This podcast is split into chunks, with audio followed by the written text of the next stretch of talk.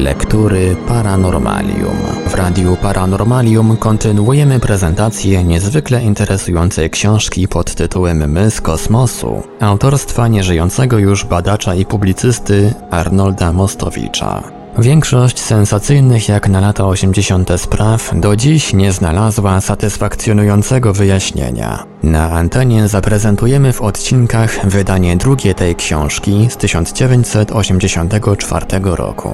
Posłuchajmy jednego z fragmentów. Do spotkań drugiego typu zalicza Heineck te kontakty z UFO, po których pozostały jakieś zmiany lub ślady w otoczeniu. Ale uprzednio pozwolimy sobie zacytować jedno zdanie autora książki. Zdanie to warto zapamiętać, gdy się śledzi dalsze, przytoczone przez niego przykłady. Cytat. Pytanie podstawowe nie brzmi, czy jest rzeczą możliwą, by wydarzenia te miały miejsce, ale czy się tak naprawdę wydarzyły mniej więcej tak, jak to zeznają świadkowie. Nie analizowałbym całego tego problemu w mojej książce, gdyby dowody, które badałem w ciągu tych lat, nie dały w przytłaczającej większości wypadków odpowiedzi pozytywnej na drugie pytanie.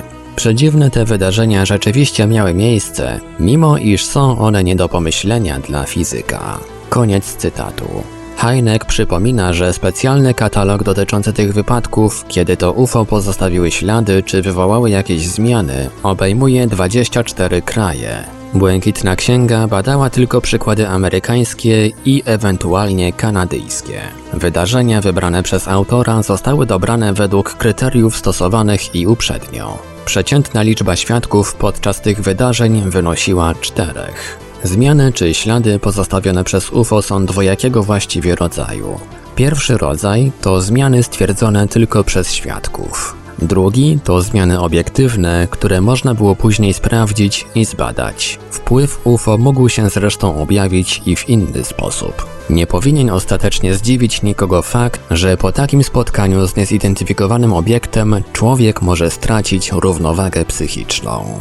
Proszę sobie na przykład wyobrazić taką oto sytuację. Gdzieś na szosie w stanie Wisconsin jedzie nauczycielka ze swoim synkiem. Nagle, cytat, ta rzecz pojawiła się nad pagórkiem. Błyskawicznie, szybciej niż samolot, ślizgając się w powietrzu, zawisła nad samochodem, który właśnie nas mijał. Światła tamtego auta zgasły. Po chwili światła mojego również. Ucichło radio i motor przestał działać. To stało się w momencie, kiedy UFO zawisł nad nami. Koniec cytatu. Całe to wydarzenie trwało około 10 minut. Kiedy UFO zatrzymał się nad samochodem nauczycielki, próbowała ona uruchomić motor, ale jej się to nie udało. Nic nie można było zrobić. Zeznała później w ankiecie, którą Heineck obszernie cytuje. Dopiero kiedy rzecz oddaliła się, cicho, ruchem ślizgowym w stronę pobliskiej farmy, motor ponownie ruszył. A oto relacja z innego wypadku. I tutaj tłem dla wydarzenia była szosa i auto. W aucie znajdowały się trzy dziewczyny. Rzecz wydarzyła się 20 stycznia 1967 roku. Zjawisko było obserwowane przez 15 minut. Dziewczyny jednocześnie zauważyły świecący, latający talerz. Powoli obydwa obiekty, auto i UFO, zbliżyły się do siebie. I ponownie nastąpiło to, o czym wspomniała cytowana uprzednio nauczycielka. Radio zamilkło, zgasły światła i przestał działać motor. Siedząca przy kierownicy dziewczyna zeznała później, cytat, Kiedy znalazłyśmy się blisko UFO, auto stanęło. Nie mogłam w żaden sposób zapalić motoru. Trwało to tak długo, jak długo obiekt wisiał nieruchomo nad nami. Kiedy UFO popłynął w inną stronę, motor zapalił. Pozostałe szczegóły są jak gdyby zapożyczone z poprzednich opisów. I ten obiekt skrzył się czerwonym światłem. Szybował ruchem ślizgowym, przyspieszenie miał olbrzymie. Dokładnie ten sam przebieg wydarzeń odnaleźć można w sprawozdaniu ze spotkania z UFO, które miało miejsce 21 kwietnia 1967 roku. Zjawisko trwało 5 minut. Obserwowało je czterech świadków. Pisze Heineck. Dopóki zjawisko UFO nie otrzyma prawa obywatelstwa w dziedzinie nauki, co pozwoliłoby młodym uczonym, zdecydowanym i posiadającym wyobraźnię na przeprowadzenie jakichś poważnych badań, muszą nam wystarczyć opisy przybliżone, mówiący o obiektach owoidalnych, błyszczących, zdolnych do niezwykłych ewolucji. Dlatego też musimy zadowolić się stwierdzeniem, że w tych kontaktach drugiego typu, mowa o kontaktach, które wywołały jakieś zmiany w otoczeniu, UFO mają dziwną i niewytłumaczalną zdolność wpływania na system elektryczny samochodu. Wśród wielu wydarzeń cytowanych przez Heinka warto wspomnieć i o tym, które miało miejsce 2 listopada 1957 roku, około 11 wieczorem, czyli dokładnie w godzinę po tym, jak w Związku Radzieckim wystrzelono satelitę z łajką na pokładzie, o czym zresztą Amerykanie jeszcze nie wiedzieli. Dwunastu jak najbardziej wiarygodnych świadków brało udział w śledzeniu ewolucji UFO, a cała historia trwała dwie i pół godziny. Zaczęło się od tego, że pewnemu kierowcy ciężarówki nagle wysiadło całe urządzenie elektryczne samochodu, gdy przeleciał nad nim na wysokości 60 metrów jakiś błyszczący obiekt. Kierowcy wydawało się początkowo, że to błyskawica. Wyskoczył z auta i upadł na ziemię pod wpływem gorąca. Obiekt przeleciał nad nim z szybkością 1000-1300 km na godzinę. Kiedy obiekt się oddalił, urządzenie elektryczne pojazdu zaczęło z powrotem działać. Kierowca wraz z jego kolegą postanowili zawiadomić o tym wypadku policję. Z każdego punktu widzenia takie opowiadanie ma mały stopień wiarygodności i nic dziwnego, że policjant, który meldunek przyjął, niejaki Fowler, przeszedł nad nim do porządku dziennego. Ale w godzinę później ten sam policjant został zaalarmowany identycznym meldunkiem innego kierowcy. Ta informacja podana była w jeszcze bardziej sensacyjnej formie. Kierowca ów w odległości 6 km od miejscowości Leveland spotkał się oko w oko z liczącym około 60 metrów długości obiektem leżącym na szosie. Obiekt błyszczał i skrzył się. I tym razem dalszy ciąg nie trudno przewidzieć, całe urządzenie elektryczne pojazdu przestało działać. Kierowca wysiadł z wozu, ale obiekt szybko wzniósł się na wysokość 60 metrów, a następnie odleciał. Ale to był dopiero początek wydarzeń, które nastąpiły tej nocy. 5 po 12, 15 km od Leveland, pewien student natknął się na leżący w poprzek szosy podłużny spłaszczony obiekt otoczony niebiesko-zieloną poświatą. Obiekt ten dopiero wtedy wpadł studentowi w oczy, kiedy wysiadł mu motor i światło. Po pewnym czasie obiekt wzniósł się prawie pionowo do góry i znikł, a w samochodzie wszystko zaczęło z powrotem działać. Relację o tym wydarzeniu złożył ów student dopiero na zajutrz. Ale policjant Fowler nadal nie miał spokojnej nocy. Po raz trzeci został zaalarmowany przez pewnego kierowcę, który zetknął się z UFO na tej samej szosie. Tym razem obiekt znajdował się na wysokości kilkudziesięciu metrów. Reszta wydarzeń przebiegała tak jak w poprzednich wypadkach. Do godziny pierwszej w nocy raz po raz różni kierowcy alarmowali policję, że na szosie obok miejscowości Leveland jakiś UFO albo szybuje nad pojazdami, albo czeka na nie, osiadając na asfalcie. Wszystkie opisy były zgodne.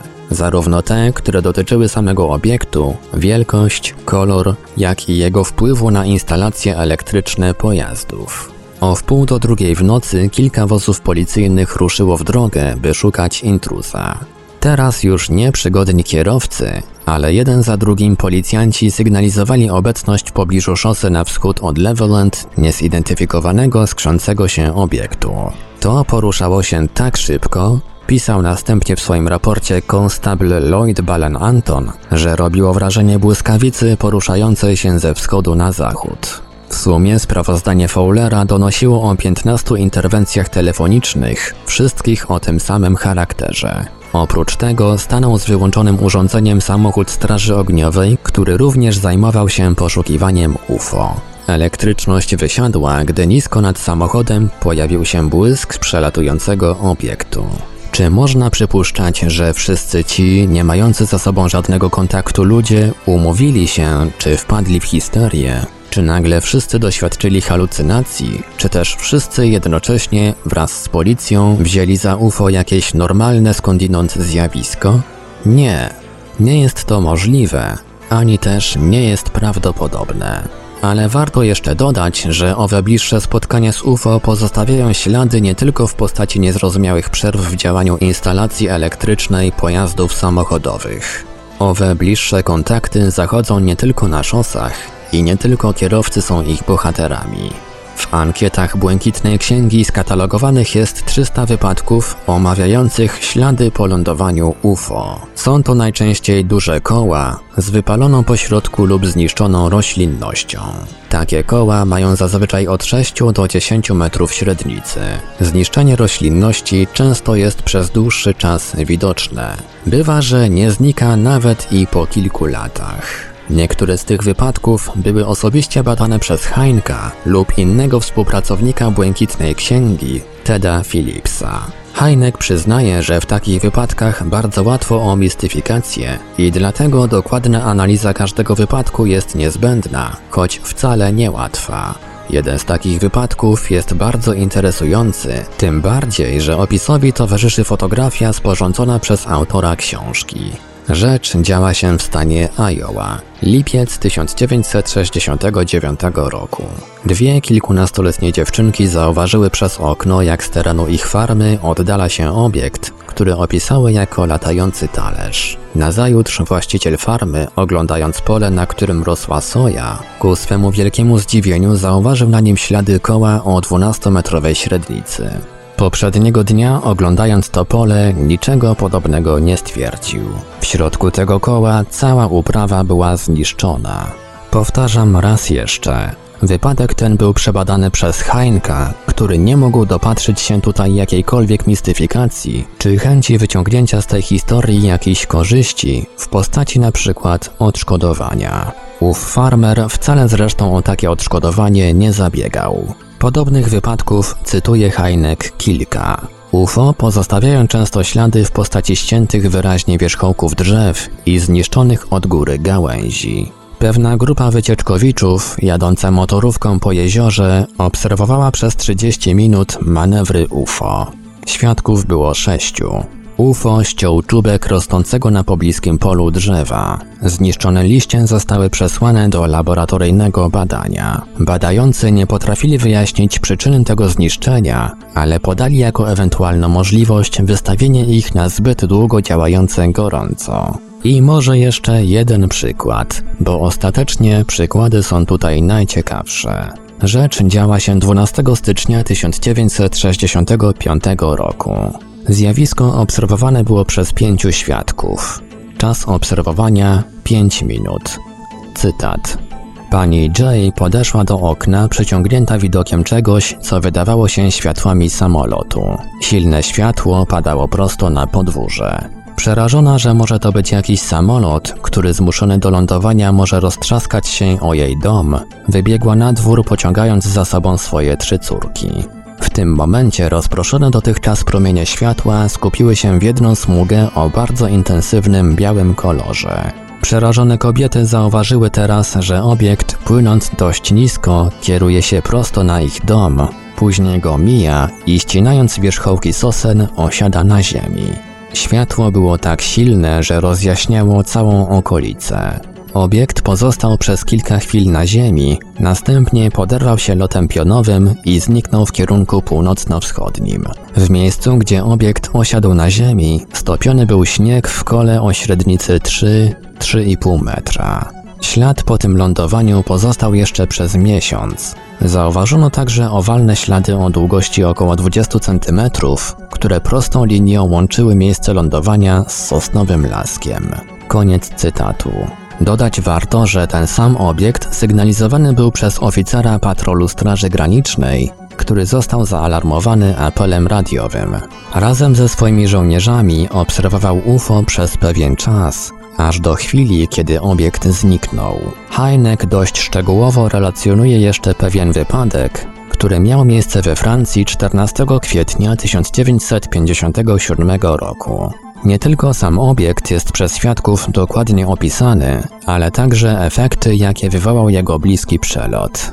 Ale pozostawmy już w spokoju owe spotkania drugiego typu i przejdźmy do najciekawszego i najbardziej nieprawdopodobnego rozdziału tej książki.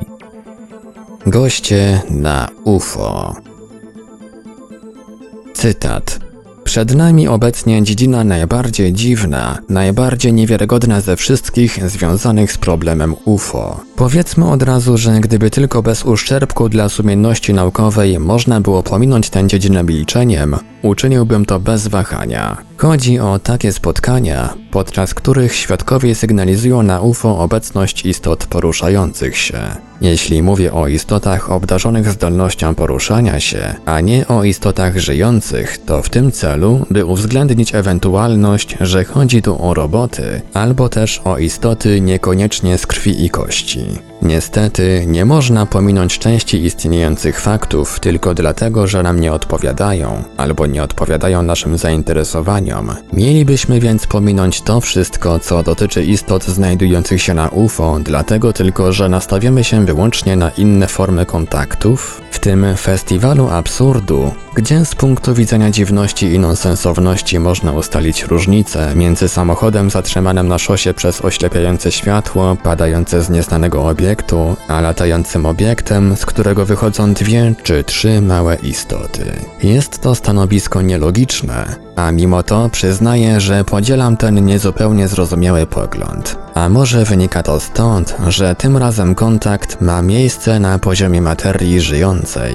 Nasz umysł potrafi bez wahania uwzględnić rozwój maszyn czy aparatów najbardziej nawet dziwnych, bez tego, by nasza wyższość została w jakimś sensie podważona. Ale spotkanie z istotami żywymi, a więc istotami posiadającymi inteligencję innego rodzaju niż nasza, budzi atawistyczny strach przed nieznanym i wskrzesza głęboko zakorzenione w człowieku współzawodnictwo o posiadanie Ziemi i obawy o utratę hegemonii na naszej planecie. I jeszcze jedna rzecz nas trapi. Te istoty humanoidalne posiadły, jak się wydaje, zdolność oddychania tym samym powietrzem co my i znoszenia naszego ciśnienia atmosferycznego oraz przyciągania. Jest w tym coś absolutnie anormalnego, bowiem wynika z tego, że musi gdzieś istnieć środowisko, planeta, bardzo podobne do naszego. A może chodzi po prostu o naszą planetę? Jak to rozumieć? Albo może są to roboty, które nie muszą adaptować się do otoczenia ziemskiego. Sama myśl, że istnieje rodzaj humanoidów, obraża nasz zdrowy rozsądek. Sarkazmy, które wzbudza, bynajmniej nie maleją. Maleńkie, zielone ludziki stanowią niewyczerpane źródło dowcipów. Czyż nie to, aby jest ową przyczyną, która powoduje, że w ogóle cały problem UFO nie cieszy się dobrą marką? Ostatecznie można się zgodzić, że istnieją UFO, ale humanoidzi? A jeśli ci ostatni są tylko wytworem wyobraźni, czy nie dotyczy to także zwykłych, niezidentyfikowanych obiektów latających? Oczywiście. Zebrano jednak zbyt wiele poważnych świadectw w tej sprawie, aby je uznać za zwykłą iluzję. Chyba, że dojdziemy do wniosku, iż każdy, kto zaobserwował UFO jest psychicznie chory. Na czym polega więc jego choroba? Czyżby to był rodzaj wirusa oszczędzającego ludzi rozsądnych? Zresztą dziwna to choroba, która w ciągu krótkiego czasu,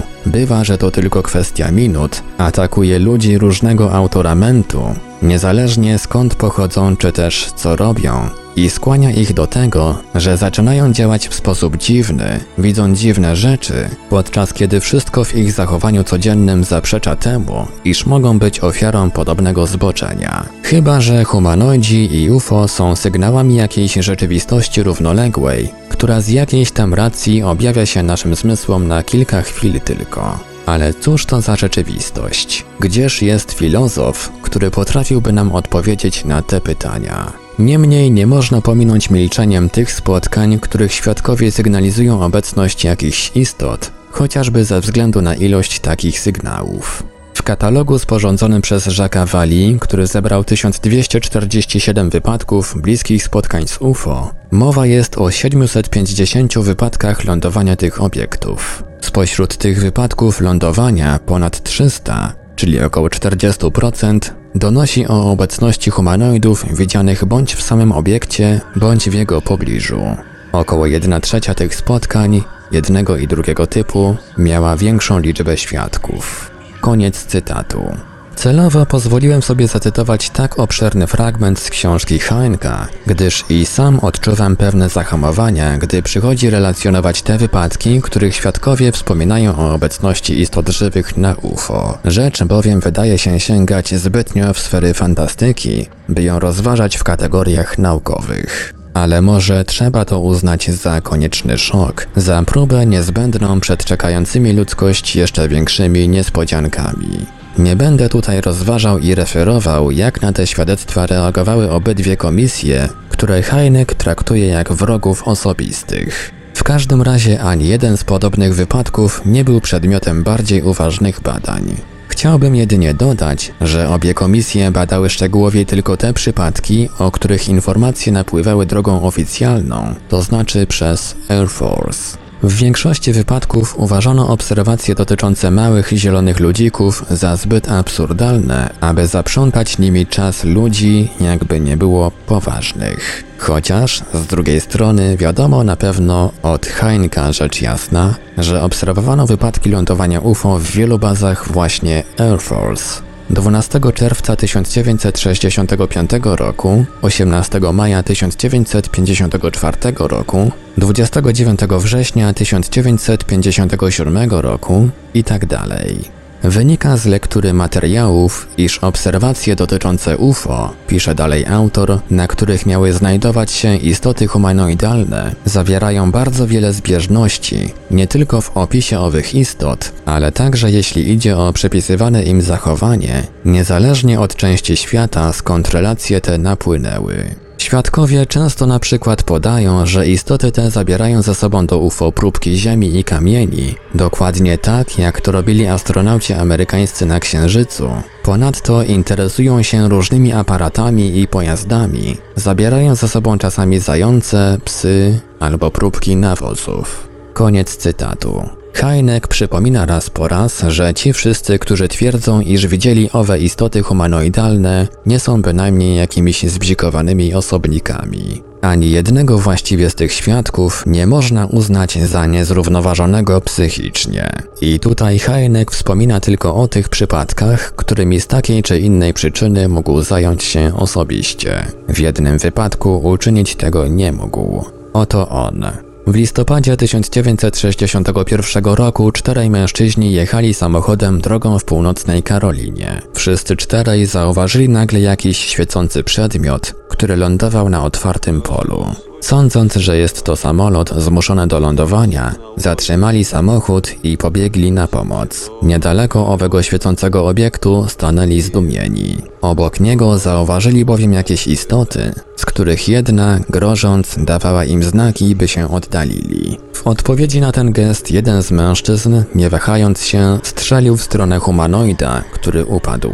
Pozostali wsiedli szybko do UFO, a czterej mężczyźni uciekli. Otóż wspomniany wyżej wypadek był wprawdzie badany, ale ponieważ jeden z czterech mężczyzn, chyba ten co strzelił, był pracownikiem CIA czy FBI, nic o tej sprawie nie wolno mu było podać do wiadomości publicznej. Natomiast ten przypadek, o którym za chwilę wspomnimy, ma już zupełnie inny charakter.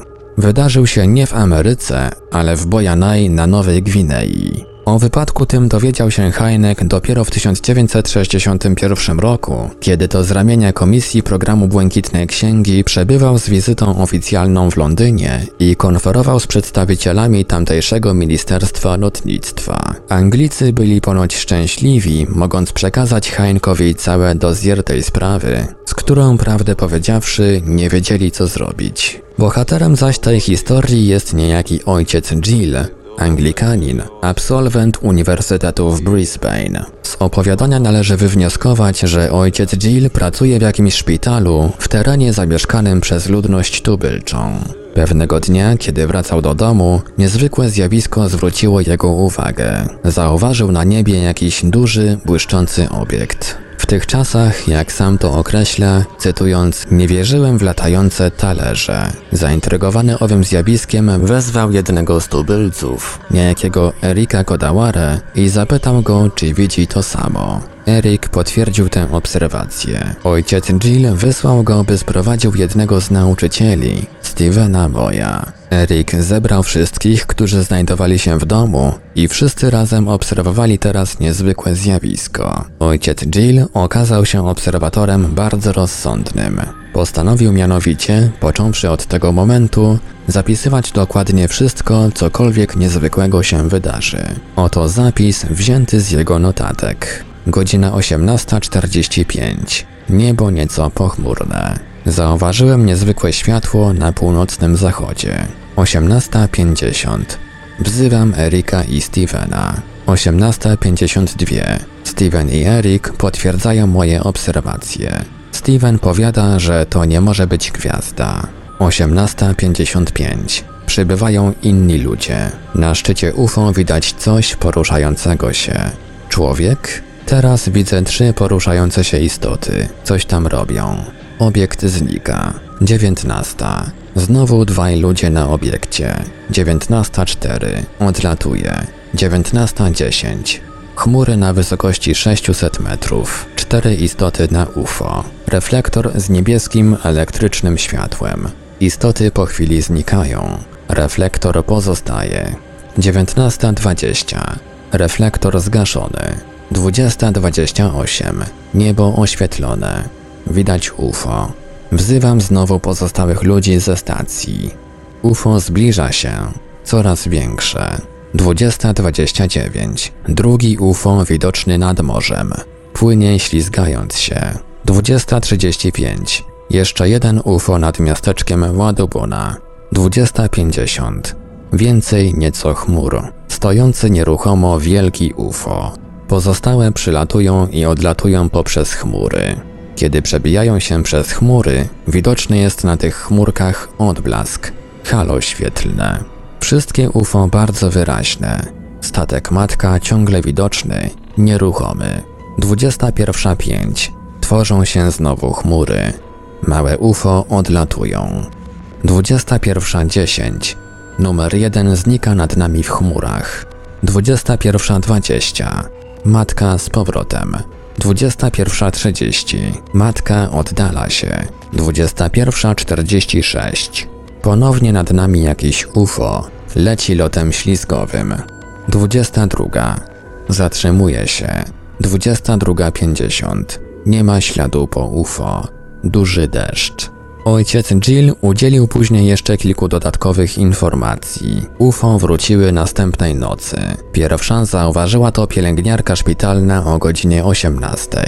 Ta rzecz tym razem zeszła tak nisko jak nigdy dotychczas. Schodziła w linii prostej i znalazła się na wysokości 90-150 metrów. Nie było jeszcze ciemno i można ją było oglądać w całej okazałości. I znowu widać było na jej szczycie jakąś postać. Obiekt był równie błyszczący i świecący jak poprzednie. Jill mówi: Podszedł do mnie nauczyciel i zapytał mnie: Ciekawe, czy będzie lądował na placu gier. Odpowiedziałem: Czemu nie? Następnie zaczęliśmy dawać znaki rękami. Dzień dobry, dzień dobry. I może pan sobie wyobrazić, jak byliśmy zdumieni, kiedy nam odpowiedział na nasze znaki. Był obok mnie Erik i jeszcze jeden chłopiec. Obydwaj machali rękami i postacie na UFO też w odpowiedzi machały dwiema rękami. Opisany przypadek jest już dzisiaj klasyczny w swoim rodzaju. Oficjalnie ani przez Air Force amerykańską, ani przez władze angielskie nie był dokładnie zbadany. A przecież najbardziej oficjalne raporty donosiły, że w owym czasie Nowa Gwinea była terenem intensywnych najazdów ze strony UFO, a wydarzenia w Bojanaj były kulminacyjnym punktem tej aktywności. Informują o tym liczne obserwacje dokonywane zarówno przez nieuczonych papułasów, jak i wykształconych Europejczyków. W każdym razie ani ojciec Jill, ani nikt z jego ekipy nie strzelał. Natomiast podczas wydarzeń, które miały miejsce 21 sierpnia 1955 roku w Kelly Hopkinsville w Kentucky, strzały padały gęsto.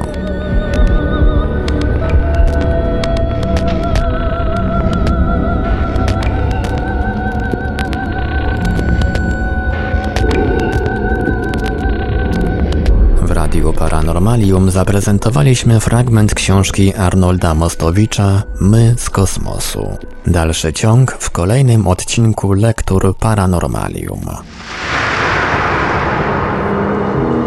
Archiwalne odcinki Lektur Paranormalium znajdziesz do pobrania w archiwum naszego radia na stronie www.paranormalium.pl.